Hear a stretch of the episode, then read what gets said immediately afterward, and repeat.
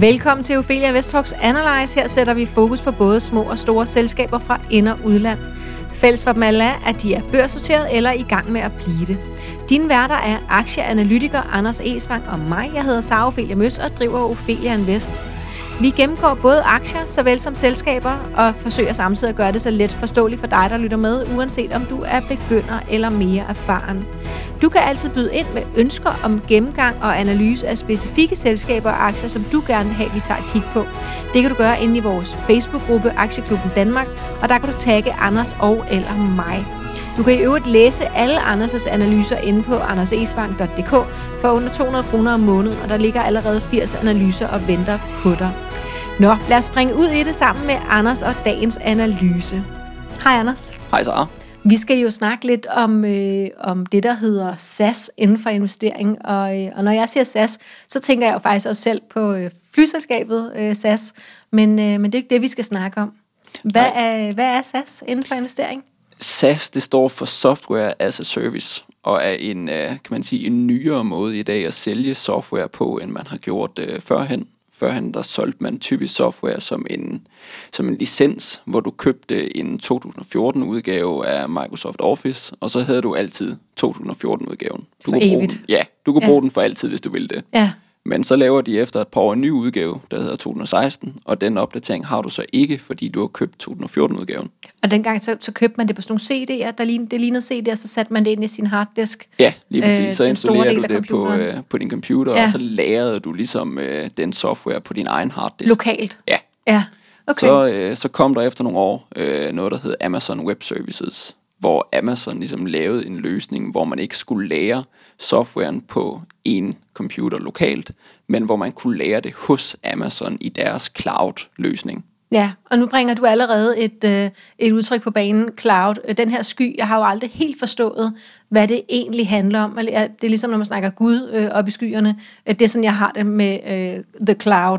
Så kan du ikke lige øh, kort fortælle, hvad er skyen egentlig? Jo, man kan sige, at cloud for os virker jo som om, at det bliver lagret i en sky et eller andet sted, fordi det ikke er lagret på vores computer. Men en cloud-løsning er jo egentlig bare en stor harddisk, der står et eller andet sted og lagrer tingene. Så Amazon har en kæmpe harddisk placeret forskellige steder rundt i verden, øh, hvor de lagrer de løsninger, der bliver lavet på, på Amazon Web Services. Så i stedet for at lære det på din computer, så er det bare Amazon, der lærer det på deres harddisk, som så er en cloud-løsning. Og der er ikke nogen sky nogen steder. Der er ingen sky, nej. Okay, det giver, det giver meget bedre mening øh, på den måde, øh, fordi jeg tænkte, det der med at have ting op i skyen, min computer og min telefon fortæller mig også tit, at, øh, at den ikke har kontakt til skyen, og så tænker jeg, det tror jeg er okay. jeg har ikke lyst til, at det skal ligge op i skyen, og så så jeg den der øh, sådan en øh, sådan, øh, futuristisk film, Blade Runner, der kom en ny Blade Runner for nylig, og så mistede de øh, alt det, der lå i skyen, og så var der ingen, der havde nogen billeder, og så tænker jeg, jeg har det hele. Nej, fordi jeg ved ikke, hvad skyen er. Øh, okay, så skyen er ikke en sky, det er en øh, kæmpestor ekstern harddisk, så i stedet for at have tingene lokalt, så har vi det eksternt. Ja, og det er man det. har egentlig bare flyttet harddisken til en stor harddisk, i stedet for at alle har deres egen mindre harddisk på Ja, computer. og hvad er fordelen ved det så? Fordelen er, at i stedet for at du skal købe for eksempel en Microsoft 2014 udgave og kun have 2014 udgaven, så kan du købe det som en as a service løsning, hvor du lejer dig adgang til softwaren. Som altid er opdateret. En evig Præcis, opdateret løsning. fordi den er lagret på en, kan man sige, central harddisk, så det er altid den samme software, alle har adgang til. Og hver gang den bliver opdateret, så bliver den også opdateret på din computer og på alle andres computer Automatisk. automatisk. Det Godt. er ligesom funktionen i en altså service løsning, som kun er muligt, fordi man har en cloud løsning i dag. Ja. Øhm, super misvisende, at de kalder det øh, skyen. Øh, det kunne man godt have øh, Ja. brandet anderledes. Øh, Jeg tror ikke ekstern sige. harddisk, det sælger så godt som, øh, som Nej, skyen. men så havde det givet mening.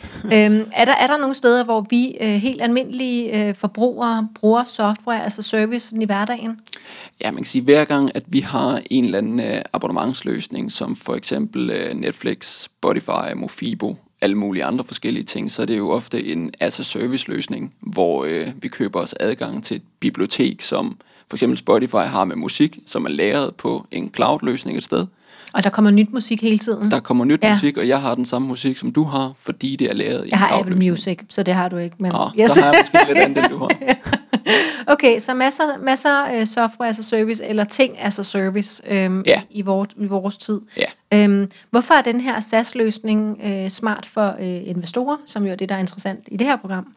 Det smarte ved det er, det er førhen, hvor man solgte det som en uh, licensaftale, der betalte brugeren jo en gang, og så havde man adgang til den software altid. Mhm. Mm-hmm. Så skulle brugeren købe en ny løsning, hvis de ville have den nyeste opdatering. Men det var ikke alle, der gjorde det. Nej, Ved en nogle as af sad bare fast med 2014-modellen for evigt. Ja, lige præcis. Yes. Jeg kan huske det fra mig selv, at jeg havde Microsoft Office 2014 måske i rigtig, rigtig mange år, fordi jeg ikke skulle bruge den nye version. Ja, Men ved en as a service løsning, der får jeg hele tiden de nyeste opdateringer. Til gengæld betaler jeg også et abonnement hver måned, hvert mm. kvartal, hvert år, alt efter hvordan det er struktureret. og er det bare catnip for, øh, for investorer, det her med, at vi får penge ind øh, hele tiden? Måske ikke for investorer, men for selskabet?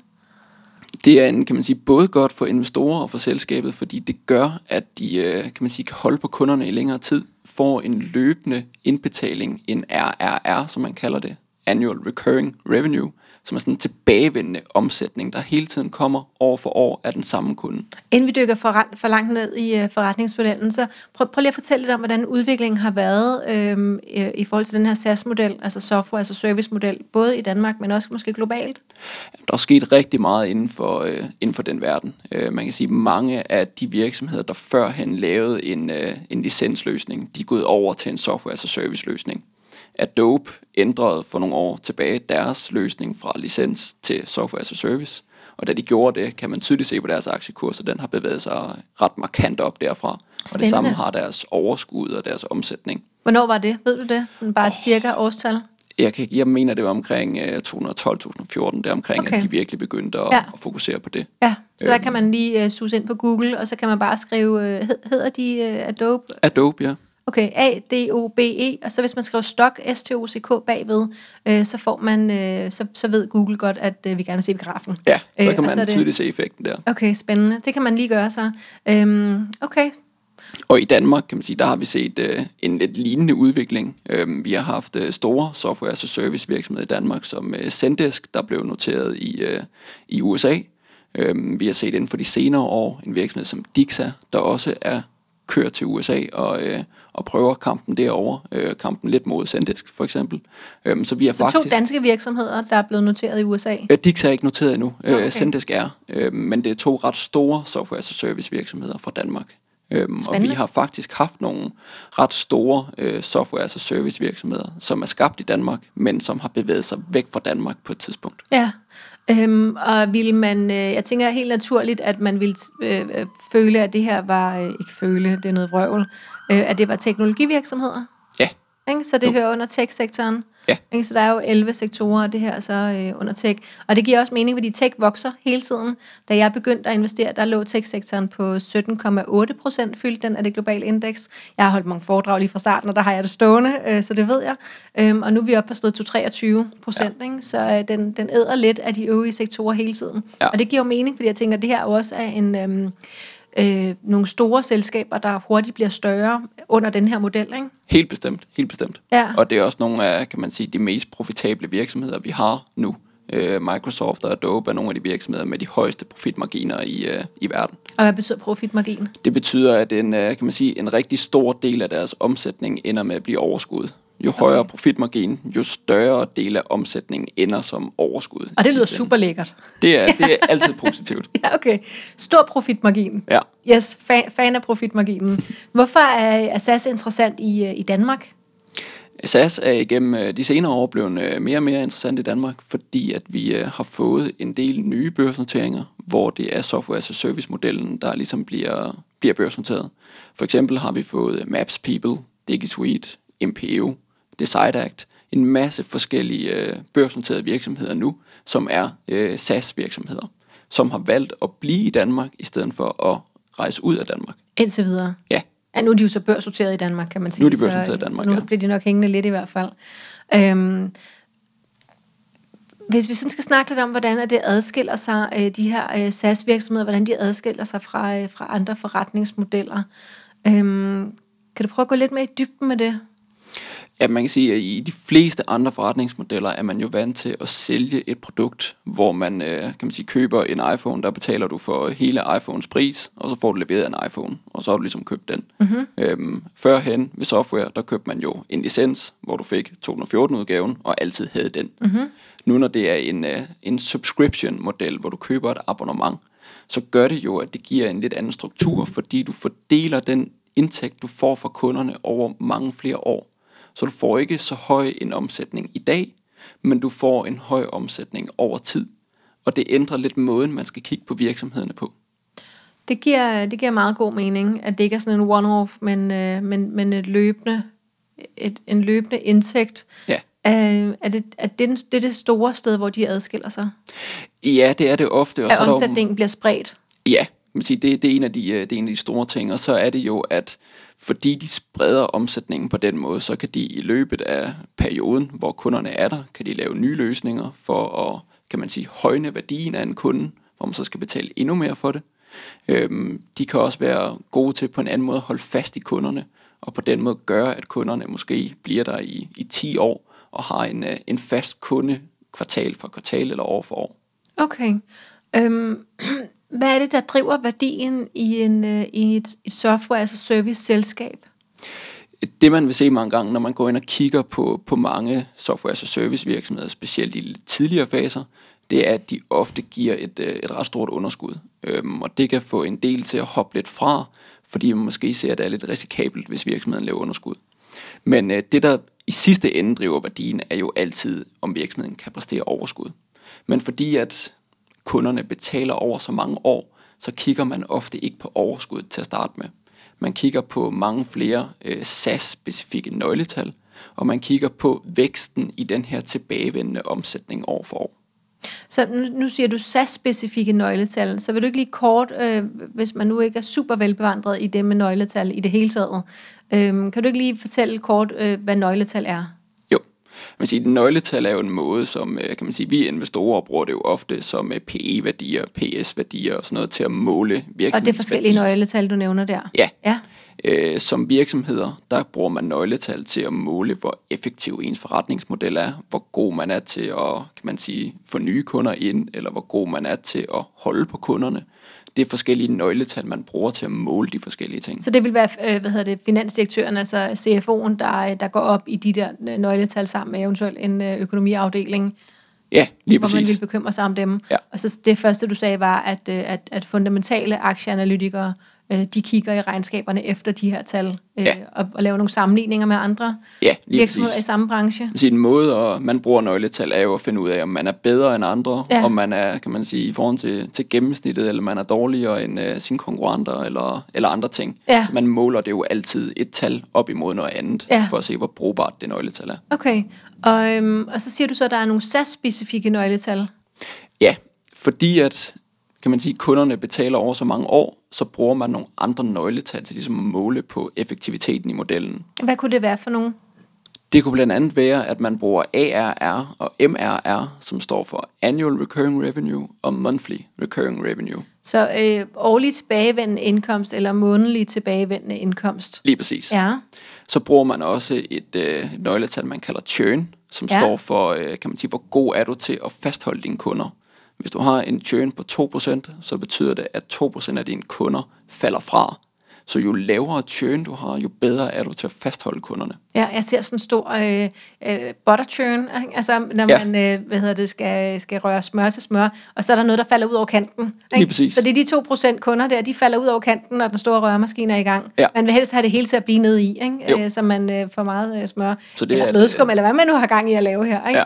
Okay, så ikke for mange ud over kanten der, det er Nej. churn. Det er churn. Ja. Og så har man øh, et andet nøgletal, der er uplift, som er, hvor god er du til at opsælge de kunder, du allerede har. Så altså ikke, hvor meget omsætning kommer der fra nye kunder, men de eksisterende kunder, du har i forvejen, kan du også finde ud af at øge omsætningen Mere på de salg. kunder. Lige præcis. Mere salg. Masser af mere salg. Ja. Godt. Hvad har du ellers til os? Jamen, hvad har vi ellers? Så har man en måde at samle det på NRR, som er Net Revenue Retention, hvor man altså lægger uplift og churn sammen, for at finde ud af den kundebase, man havde i forvejen, til sammen, når der er nogle kunder, der falder fra, og du opsælger nogle andre kunder, hvad ender det så i sidste ende med at være af vækst på den nuværende kundebase. Sagde du net retention rate eller net? Ja, net revenue retention. Man kan okay. også sige net retention rate. Det, okay, det er forskelligt, det hvordan man... Ja. ja okay. Og, og er der flere? Ikke fordi det ikke var så rigeligt, men, men har du flere? Og hvad kan vi ellers øh, komme ind der på? CAC? Ja, lige præcis. Så har vi CAC, som er, øh, kan man sige, hvad, hvad koster det at få en kunde? Ja, Det er også et virkelig vigtigt nøgletal i og med, at du øh, kan man sige, har en kunde, der ofte gerne skal være der i mange år. Så skal du også gerne betale mindre end den værdi, kunden har. og livstidsværdien af kunden. Ja, Det skal det- koste mindre at købe en kunde, end de bringer ind over hele deres livstid. Ja, det, det skal koste en del mindre Ja. at købe en kunde, end de bringer ind over deres Ja. ja. livstid. Så Ja. man har også et nøgletal, man kalder LTV over CAC, som altså er livstidsværdien over det, det koster at få en kunde. Og hvad stod CAC for? CAC, det står for Customer Acquisition Cost. Okay, og det er jo ikke deres livstid, vel? Det er deres øh, kundelivstid i Det- butikken. Kundelivstiden, Yes, ja. godt. Øhm, okay, så en masse nøgletal der. Hvor kan man læse mere om de nøgletal, hvis man nu synes, det er spændende? Har du noget inde på din hjemmeside? Jeg har skrevet en, uh, en længere artikel på, på min hjemmeside omkring, Længere øh, artikel. omkring software. Godt, lad, os, øh, lad os sige, at vi har linket til den øh, samme sted, hvor at, øh, du finder den her episode. Ja. Øhm, det var, øh, så er vi faktisk øh, flot igennem, hvad SAS betyder, øhm, og, øh, og det er jo rigtig fedt, fordi at vi jo kommer til at dykke ned i nogle forskellige SAS virksomheder øhm, hen over de næste måneder, øh, og hvis vi er heldige, de næste år, Anders, det ved man jo aldrig. Nej. hvad synes du er det vigtigste, lytteren skal tage med sig øh, fra det her øh, SAS-område? Jeg synes, det vigtigste, man skal tage med sig, er, at når man kigger på software as a service virksomheder, så skal man ikke fokusere så meget på underskud eller overskud. Man skal kigge mere på de nøgletal, der er specifikke for den her branche, og finde ud af, om det er en effektiv software as a service model. Er de gode til at holde på kunderne? Er de gode til at opsælge kunderne? Har de en lav kan man sige, indkøbspris på kunden? Og har de en høj livstidsværdi? Kan man finde ud af at kigge på de her nøgletal, så kan man langt bedre vurdere, om det er en god software as a service case. Ja, og jeg, jeg tænker godt allerede nu, at vi kan afsløre, at, øh, at et af de næste øh, afsnit, der kommer, der prøver vi at dykke, øh, dykke ned i nogle af de her selskaber. Fordi jeg tænker lige nu, nu siger du, at man skal se, om, om, om de klarer det godt eller skidt. Det er ikke sikkert, vi ved, øh, hvad en god ARR øh, er endnu. Øh, men det kan vi jo så øh, prøve at uddybe, øh, når, vi, øh, når vi tager nogle cases og kigger på. Ja, lige præcis. Fedt, Anders. Således klogere på dagens aktie. Hvis du har spørgsmål, er du som sagt meget velkommen til at stille dem inde i Facebook-gruppen Aktieklubben Danmark og tagge Anders eller mig. Hvis du selv vil lære at lave analyser, så ligger der i medlemsklubben på ophelianvest.dk blandt andet to fulde online-kurser i aktieanalyse og yderligere 25 timers undervisning i aktieanalyse. Der er også opgaver, som du kan træne på. Medlemsklubben er lavet til dig, så du kan optimere dit afkast. Hvis du vil hjælpe os, må du meget gerne give os en rating der, hvor du hører din podcast. Tak fordi du lyttede med, og rigtig god fornøjelse med investeringerne.